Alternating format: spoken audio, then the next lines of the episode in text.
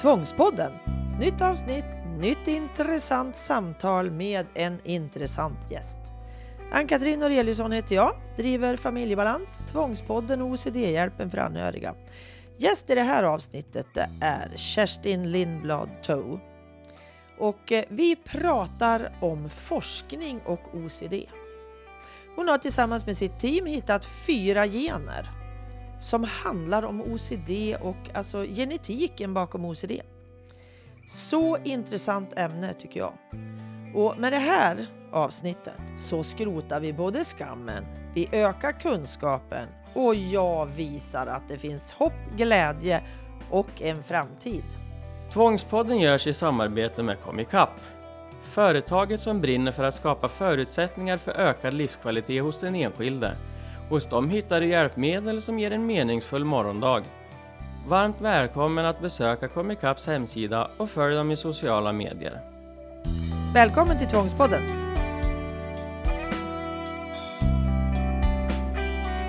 Hej Kerstin och välkommen till Tvångspodden! Hej! Tack för att jag har blivit inbjuden. Det är kul att vara här.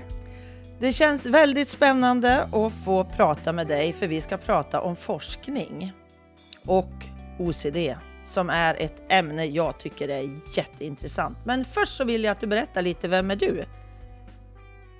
Ehm, jag heter Kerstin Lindblad Tow och jag är professor på Uppsala universitet i någonting som heter komparativ genomik. Ehm, det betyder att jag ehm, på olika sätt jämför arvsmassorna hos olika däggdjur för att förstå människans arvsmassa bättre och att jag letar sjukdomsgener för olika sjukdomar, till exempel tvångssyndrom. Eh, vi letar både i, i hund och i människa för att jämföra dem med varandra. Dessutom är jag Scientific Director på Broad Institute of MIT and Harvard som är ett biomedicinskt forskningsinstitut som ligger i Boston. Jag tycker alltid att forskning är viktigt. Jag är född, själv född med medfött hjärtfel så jag uppskattar mycket det, den eh, förbättringar och, och eh, forskning som pågår för att hjälpa människor med, med många olika genetiska sjukdomar. Mm. Verkligen. Jag tycker också forskningen är oerhört viktig för annars kommer vi ju ingenstans. Liksom. Nej, vi behöver ju förstå vad som är grunden till sjukdomarna mm. och ju mer man förstår vad grunden är, ju bättre kan man ju kanske komma nya, på nya bättre um, behandlingsmetoder. Precis, och det är ju det vi vill. Alltså vi som är anhöriga och som jag är till någon som har tvång. Vi ser ju våra familjemedlemmar gå under i det här. Och då är det ju fantastiskt om vi kan hitta nya läkemedel, bättre metoder. Alltså all forskning är ju görviktig. Alltså för våra ungar eller partners eller vem det nu är som har tvång i familjen. Det är ju jätteviktigt. Ja, och det viktiga är ju att man förstår att en stor del av det hela beror på genetiken, så det är ingenting man kan eh, rå för. Nej. Och eh, förstå kanske olika människor kanske har olika gener som mm. är upphov till sjukdomen. Så ju mer du kan karaktärisera genetiken hos var och en av patienterna, ju bättre kanske man kan sätta in rätt medicin mm. um, när man förstår sjukdomsmekanismen bättre. Precis, för det här handlar gen genetiken här då, handlar det om det arv jag har med mig eller vad handlar det om liksom? Det handlar ju om det arv man har med sig och man ska tänka på att många sjukdomar ofta beror på många gener, inte bara en gen.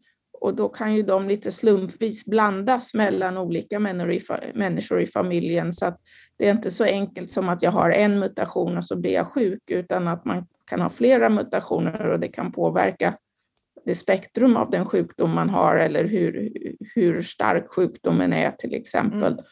Så att ju, ju, mer vi, ju mer vi förstorar genetiken, ju mer kan vi förstå sjukdomsuppkomsten. Sen kan man ju, eh, får man ju säga att för vissa sjukdomar, eller för många sjukdomar, så kan ju miljöfaktorer också spela in. Mm. Um, så det är inte bara genetik, men genetiken är ju liksom basen för det hela. Mm. Men man tror alltså att eh, OCD har en, en stor, eller bara genetisk, alltså hur det startar, man säger. Eller vad som finns i mig. Är det liksom generna först. Jag kan, alltså om jag inte har någon som helst arv bakom mig, eller ja, det kanske man har, det kanske alla har på något vis någonstans ifrån. Men alltså, om jag inte vet någon som har något liknande OCD i min släkt bakåt, kan jag få OCD ändå, eller? Ja, det kan du eftersom det är inte bara en gen utan Nej. kanske din morfar har tre gener och din mormor har fyra andra gener och har du otur så får du alla, alla sju av dem och, mm. och, och då blir du sjuk. Mm. Um, så att eh, det, det, i många sådana här sjukdomar så finns det både mutationer som är så starka att det bara kan vara en gen som definierar sjukdomen och då nedärvs den kanske från eh, förälder till barn till nästa generation och så vidare. Eh, men det vanligaste är att det är flera gener som krävs tillsammans och då, och då blir det lite mer slumpvist, eh, så kallat sporadiskt sjukdom. Mm, mm. Precis, för många gånger har jag hört, och jag vet, det är antagligen inte fakta utan bara sånt där som man har hört, att ja, men de flesta sjukdomar hoppar över en generation. Om vi säger att, att min mamma då, och som då är mormor till mina barn. Om hon hade det så är det lättare att det kommer direkt ner till dem och än inte till mig. Um, det finns vissa sjukdomar som kan hoppa över generationer eftersom de sitter på X-kromosomen. Um, okay. Så att man har olika, uh, alltså kvinnor har två och män har bara en och då blir det viktigt vid den där Jaha. ensamma kromosomen. Um, men annars så kan det ju hoppa över en uh, generation just för det där att det beror på flera riskfaktorer. Mm, mm. Men då är det inte egentligen att det hoppar över utan snarare att man får en...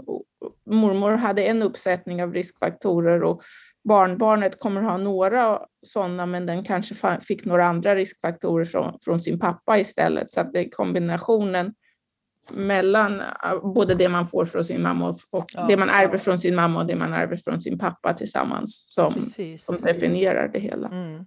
För när vi tittar bakåt i våran släkt, då har ju vi extremt mycket psykisk ohälsa på olika sätt, eller psykiatriska tillstånd. Då. Både att vi har alltså ganska svår psykisk sjukdom då, som det hette förr och även då MPF. Och vi har ju en blandning av allt och det här måste ju alltså finnas någon, någon genetik i genom att det är så genomgående till, liksom det kommer i varenda familj nästan så har vi någonting.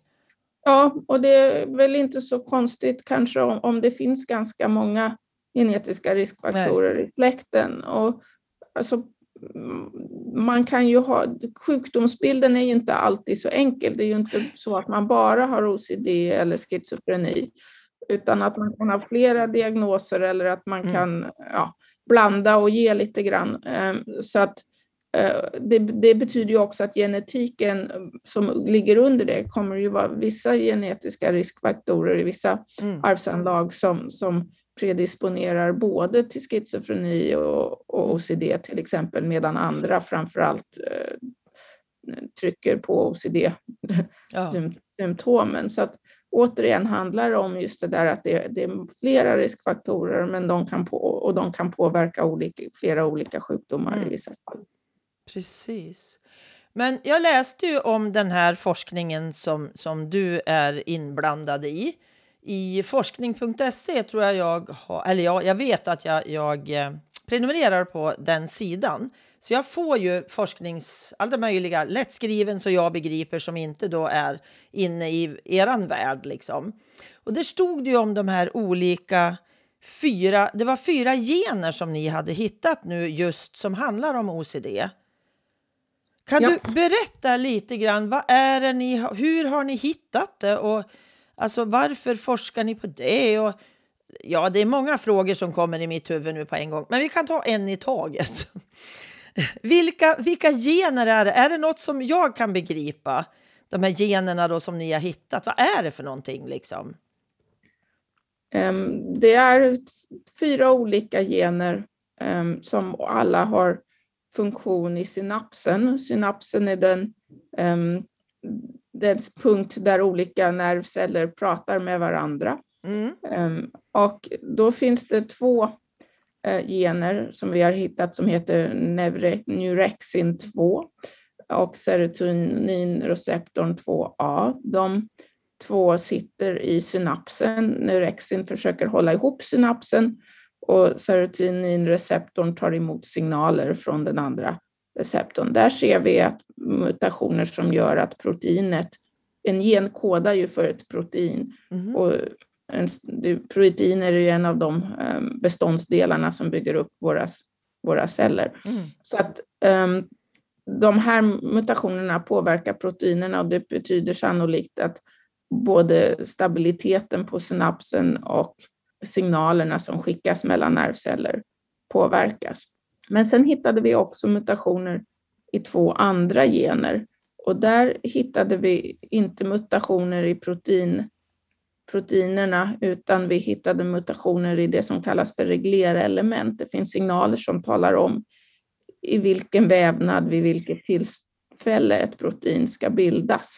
Mm. Ehm, och de här två generna Mm, hade mutationer just i reglerelement så att vi tror att det bildas mer eller mindre av dem. Och de påverkar sannolikt också stabiliteten i, i synapsen, hur, hur den ena nervcellen kommunicerar med den andra nervcellen. Eh, om man tar ett steg tillbaka så började vår forskning egentligen med att vi tittade på hundar eh, som också har tvångssyndrom och då hittade vi gener och familjer av gener som, som verkade påverka hundarna och det var där, därifrån som vi sen gick och tittade, tittade på ungefär samma gener i människa och hittade de här fyra generna. Aha. Vi hade ju, som jag berättade för dig innan vi började, att vi hade ju en labrador som jagade sin svans som jag konstant och bröt när hon höll på så där. För att jag förstod att det var något som inte stämde, men jag trodde att det var stress som utlöste det. Och det var det väl kanske, men hon hade en benägenhet att göra det här. Tänker jag rätt då?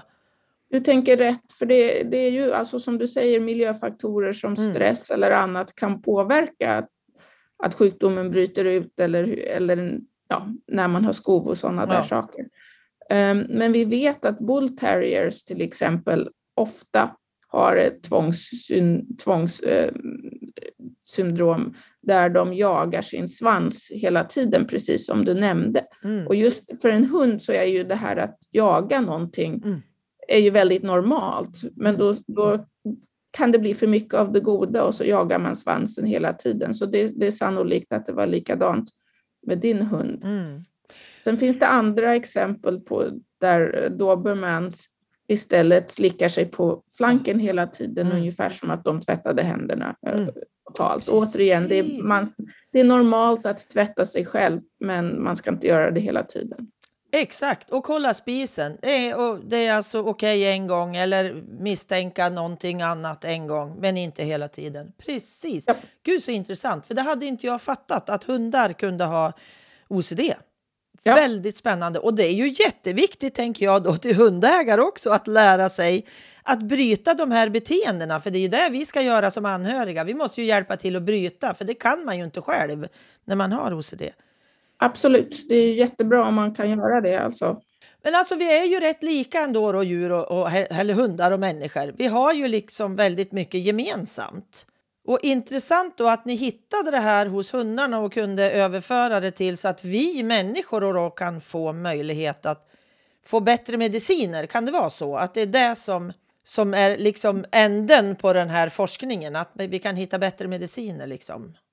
Absolut, tanken är ju det. Ju mer man hit, gener man hittar, ju mer förstår man, förstår man den biologiska mekanismen som ger sjukdomen och då eh, kan man förhoppningsvis eh, få till bättre lä läkemedel. Mm. Och, och dels så kanske man kan hitta läkemedel som är bra för alla, men man skulle också kunna tänka sig att eh, om du och jag har lite olika gener så kanske det är en viss medicin som hjälper dig och en annan medicin som hjälper mig. Och vad man kan säga i dagsläget är, är ju att hundar behandlas också med serotinin eh, upptagsinhibitor, precis som människor gör, mm. och det hjälper ibland och det hjälper inte alltid. Så att och, och eftersom vi naturligtvis vill hjälpa våra hundar, precis mm. som vi vill hjälpa människor. Så, så, och hundar är så pass lika oss både i genetiken och, och biologin och de är ungefär lika stora, inte riktigt lika stora som vi, men relativt sett lika mm. stora som vi. Så är det ju inte alls omöjligt att testa nya läkemedel på hundar, inte som försöksdjur utan mm. som patienter som, ja. där man ser om man kan hjälpa dem på samma ja, sätt exakt. som vi gör clinical trials i mm. människor. Mm. Men de här medicinerna då, är det de som kallas för SSRI? Ja, precis. Ja. Mm. Det är antidepressiva och alltså det är ju den, den, vad ska man säga då, klassen, heter det så? Nej. Typen av ja, läkemedel typen. kanske. Ja. ja, men precis. Den typen av läkemedel som heter SSRI. Ja, precis. Intressant. Men alltså, hur hittar ni de här generna då? Det är ju jag jättenyfiken på. Är det med mikroskop? Måste ni sprätta upp skallen på mig eller vad gör ni liksom? Så vad vi gör, det vi börjar med att ta blodprov. Um, okay. Ett vanligt litet blodprov som gör att vi kan på labbet preppa fram DNA. DNA är ju vår arvsmassa um, och det finns ungefär uh, tre miljarder bokstäver i vår arvsmassa, så det är inte alltid jättelätt att förstå hela arvsmassan. Nej. Men i varje fall vad vi vill göra är att vi vill jämföra arvsmassan hos individer med sjukdomen och hos de som är absolut friska. För tanken är ju då att um, skillnaderna ska vara just det som ger individen sjukdomen och då mm. um, tittar man på, på hela arvsmassan i princip och sen så ser man var Eh, var mm, friska och sjuka ehm, skiljer sig. Och för att, för, för att göra det här så sekvensar man arvsmassan, det vill säga man läser av bokstavsordningen A, C, G, T, T, G, T och så vidare um, över hela arvsmassan. Eller, eller också så, så man tittar inte på alla eh, tre miljarderna samtidigt, utan man tittar på um, några hundratusen som är spridda över arvsmassan först och sen när man hittar en region som skiljer sig så kan man gå in och mm, sekvensa och kolla noggrannare mm. ja, på men, den regionen. ja, och då blir jag lite nyfiken på, finns det alltså människor som inte har någon som helst benägenhet till OCD? Ehm, det vet inte riktigt, jag riktigt, men det är väl ett spektrum så ja. det borde ju vara en några har det mycket och, några har det ovanligt lite, men ja. det är klart, jag, jag, jag sa det kanske inte så tydligt, utan det jag egentligen menar är att det är folk som är friska, inte nödvändigtvis extra friska, utan Nej. vanliga, ja. vanliga människor som inte har blivit diagnostiserade med OCD, helt mm. enkelt. För jag, när jag tänker på mig själv då som har levt så länge med min son som har OCD, så kan ju jag känna ibland, jag har ju ingen benägenhet som jag tycker själv att liksom börja tvätta mig för mycket eller något sånt där. Men ibland så kan jag känna att det trycker på att jag skulle vilja göra det. Men det kanske också är för att skydda honom då som jag går in i någon känsla att jag kanske ska göra det en gång till eller så där. Men jag har ju egentligen absolut ingen känsla. Nej, det behöver ju inte alls vara att det ligger där och gror, utan att det är så att jag gör det av en annan anledning. Liksom. Jag fastnar i något liknande beteende som han har, men jag har egentligen ingen benägenhet. Nej, och jag menar, det är ju, alltså, jag kollar också ibland en extra gång mm. att jag har låst dörren. Um, och det gör väl många um, sådär, så att man får inte... Det är ju ett spektrum ja. och man får väl avgöra när det börjar bli ett, besvär, ett ja. besvärligt fenomen ja. respektive en normal extra koll eller vad mm. vi nu ska kalla det för. Jo men precis, och det är väl som med det mesta tänker jag, att när det är ett bekymmer, det är ju då jag måste söka hjälp. Ja. annars så kan jag hantera det spelar det ju liksom ingen roll. Att inte plåga mig eller min omgivning spelar ju ingen roll. Om jag kollar Nej. fyra gånger då, men det är alltid bara fyra och sen gick jag liksom, då spelar det ju ingen roll. Spelar ingen roll. Nej. Nej. Precis, så att man måste ju hitta det där också. Vad är det som är okej okay för mig ja. och min omgivning liksom?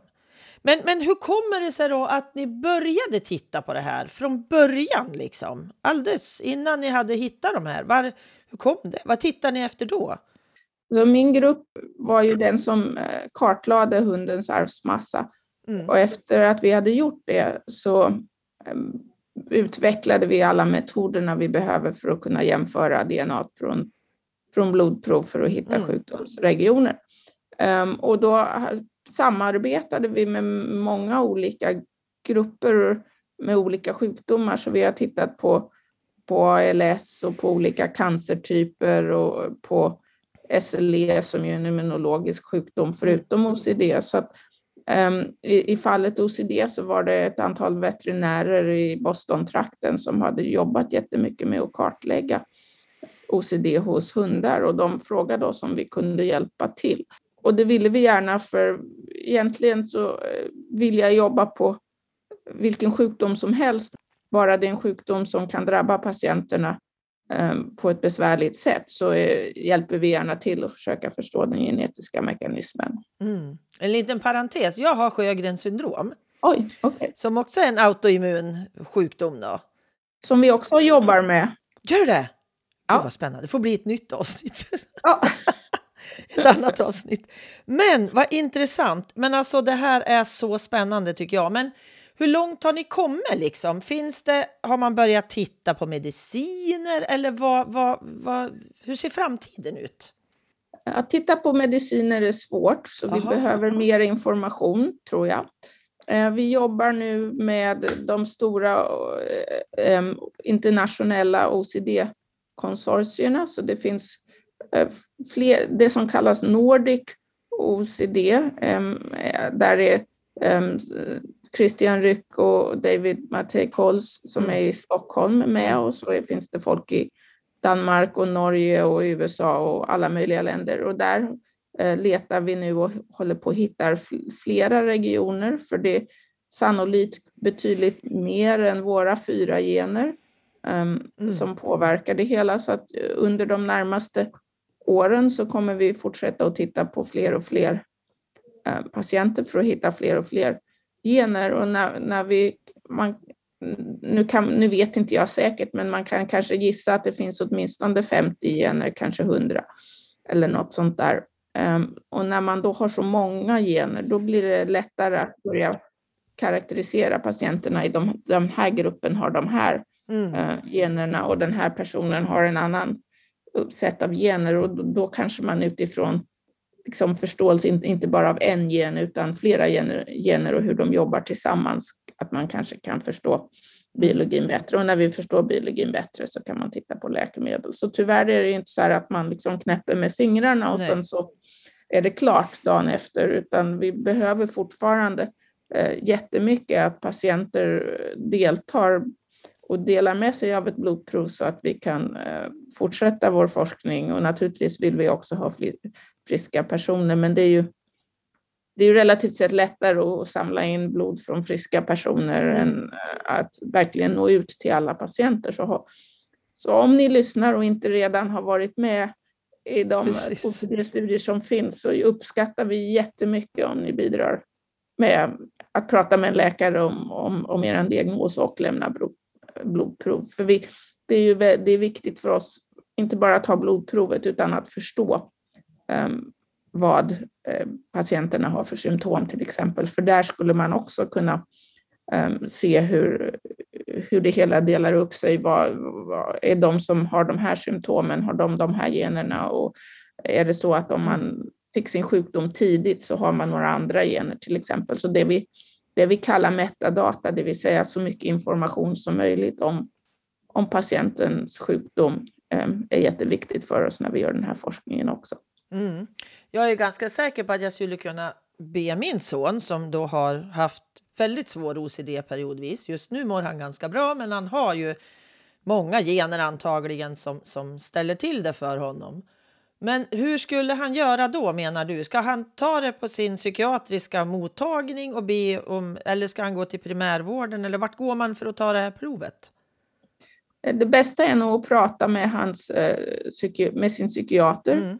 Ehm, och säga jag har hört att det finns en studie i Stockholm som heter Nordic OCD ehm, där Christian Ryck är en av de kliniska forskarna i sammanhanget. Hur hur kan jag vara med i den studien? Och då borde psykiatern säga, jag, jag, jag kan dela med mig av, av informationen om din diagnos samt jag kan ta ett blodprov på dig eh, och skicka dit. Så det, bäst, det bästa är att ta det via ja. Psykiater. Jättebra, jättebra, för det här ska jag uppge också i de OCD-grupper som jag har. För att eh, OCD-förbundet tycker jag skulle ju behöva en artikel om det här. Ja. Alltså i deras Nytt om OCD. Men det borde vi väl kunna åstadkomma? Det ska vi åstadkomma, absolut. Det ska jag fixa, för jag har nära kontakt med OCD-förbundet. Jag tycker att det är jätteviktigt att vara förenad igen i ett förbund för att lyfta alla de här frågorna är ju jätteviktigt. Ja, men toppen, då ska vi se till det. Utmärkt. Strålande, strålande. Tack. Men alltså det här är så spännande för det ger ju ett slags hopp, eller ett stort hopp tänker jag, framåt att faktiskt det ska bli ett, ett lägre lidande, kan man säga så? Ett mindre lidande i framtiden för de som kommer att uh, utveckla OCD. Precis, man kan ju inte bara ta bort riskfaktorerna, ta bort genetiken, för den, den är, den ju som där. den är. Ja. Men att kunna hantera det på ett så bra sätt som möjligt, um, det är ju det man hoppas kunna åstadkomma. Ja, men precis. Hur kom det sig att du började forska en gång i världen? Um, ja, det var väl... Jag tycker om att lägga pussel. Mm. Och sen så eftersom jag har medfött hjärtfel och opererat tre gånger under min uppväxt um, och de inte trodde att jag skulle klara mig alls när jag föddes så okay. känns det som att läkarvården har hjälpt mig på många sätt och om inte mm. forskningen hade gått framåt hade jag inte överlevt alla operationerna och, och, och må så Nej. bra som jag gör nu.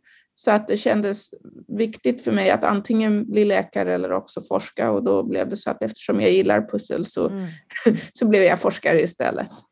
Det låter jättespännande att vara forskare. Nu är jag alldeles för gammal för att börja med en ny karriär genom att jag är pensionär egentligen, fast jag kommer inte att leva som pensionär utan jag jobbar så länge jag kan. För att jag, jag, har, jag jobbar ju med OCD och anhöriga. Det är ju det som är min, liksom, min livsuppgift, ja. känner jag.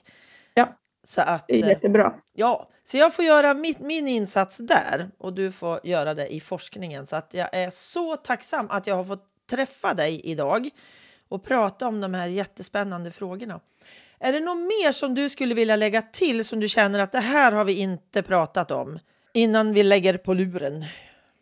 Nej, det tror jag inte. Jag vill bara säga att vi är väldigt tacksamma för alla människor som alla patienter och, och anhöriga som vill hjälpa till och forskningen går framåt om vi får er hjälp. Mm. Tack så mycket. Mm. Men jag då som inte har utvecklat OCD, skulle det också då gagna er att jag lämnade ett blodprov till exempel som har en, en son? För jag har ju genetiken genom att jag har ju fört den vidare. Um, alltså, du hamnar ju liksom inte riktigt i patientgruppen, Nej. men du hamnar inte, hamnar inte heller i gruppen av folk Frisk. som är friska. För, för det så är det inte så nödvändigt. Men det kan också vara spännande att se när, um, alltså när det, genetiken, genetiken har skickats ner från förälder till ett barn. Mm. Så att om man har flera personer i släkten som har mm. diagnosen så är det definitivt bra att, att lämna från var och en, för då kan man inte bara jämföra sjuka och friska, utan Nej. man kan kanske titta på vilka arvsanslag som, som delas av, av mamma och barn som mm. båda är patienter. Precis, för jag är ju väldigt säker på att min mamma hade OCD. Men eh, hon var ju född eh, 1918 och eh, dog för tio år sedan eller något sånt där. Och eh, ju mer jag har lärt mig då runt min sons OCD så har ju jag förstått. Vi, vi skrattade ju åt henne för det var så fruktansvärt rent i vårt hus. Så vi var ju inte särskilt snälla mot henne. För vi sa det, vi behöver inga tallrikar, vi kan äta på golvet, det spelar ingen roll för det är lika rent på golvet som på tallrikarna. Men ju mer jag har liksom tänkt tillbaka på min uppväxt så ser jag att hon hade ett, ett stort tvångsmässigt beteende och hon hade jättejobbigt, det vet jag ju. Hon slet ju ont alltså med sitt. Men på den tiden fattade jag Hon hade basilskräck och så var det inget mer liksom. Men ja. det var ju mer saker hon hade när jag har liksom erinrat mig vad som hände egentligen när jag var barn. Hur hon, hur hon agerade med, med sin, sin problematik liksom. Så ju mer man kan upp, uppmärksamma vad problemen är och ju mer man kan komma till en punkt att, att man har en diagnos och det inget skamligt med det, Nej. utan det, det, finns där, det är genetiken som driver det. Men mm. nu nu är det viktiga att försöka göra läget så bra som möjligt utifrån um, de, den genetik man har. Ja, exakt. Ja, men skrota skammen, det är ju min stora paroll. Den, ja. den ligger ju högst upp hos mig. Att vi ska ha bort den här skammen som vi inte har vid de somatiska sjukdomarna. Men de psykiatriska, de ger så mycket skam. Och det, det är ju samma sak, det kommer från genetiken. Så att det är inget jag kan påverka att jag fick det, men hur jag hanterar det kan jag ju påverka. Alldeles rätt. Mm. Men tusen tack Kerstin, det här var så intressant. Jag tackar så mycket för att du ville vara med. Tack själv. Och så jobbar vi vidare med att det här ska spridas större in i de rätta grupperna, tänker jag. För det vore jättebra. Tack det ska vi göra. Tack ska du ha. Hej då. Hej då. Berätta gärna om Tvångspodden för andra så de också får lära sig mer om tvång och OCD. Och följ OCD-hjälpen understreck for understreck anhöriga på Instagram. Är du anhörig och har OCD i familjen och känner dig ensam i sin situation, då tycker jag att du ska gå till familjebalans.se och lämna ditt namn och mejladress så kommer du få lite information om mig, var du kan köpa boken. Du kommer också att få information om när OCD-hjälpen öppnar nästa gång så att du kan bli medlem där. Och eh, just i dagarna så är jag på väg att starta upp en ny OCD-hjälpen och den gäller för partner. För den som jag har tidigare OCD-hjälpen anhöriga, den vänder sig framförallt till föräldrar. Men jag ser att behovet för den som lever som partner också är jättestort. Så det kommer alldeles, alldeles snart att öppna en sån tjänst också. Alltså ett sånt medlemskap. Tack Anders för redigeringen, Petra Berggren för fotograferingen, Pelle Zetterberg för musiken och tusen tack till Comicap för att ni vill samarbeta med mig. Hej då, vi hörs igen!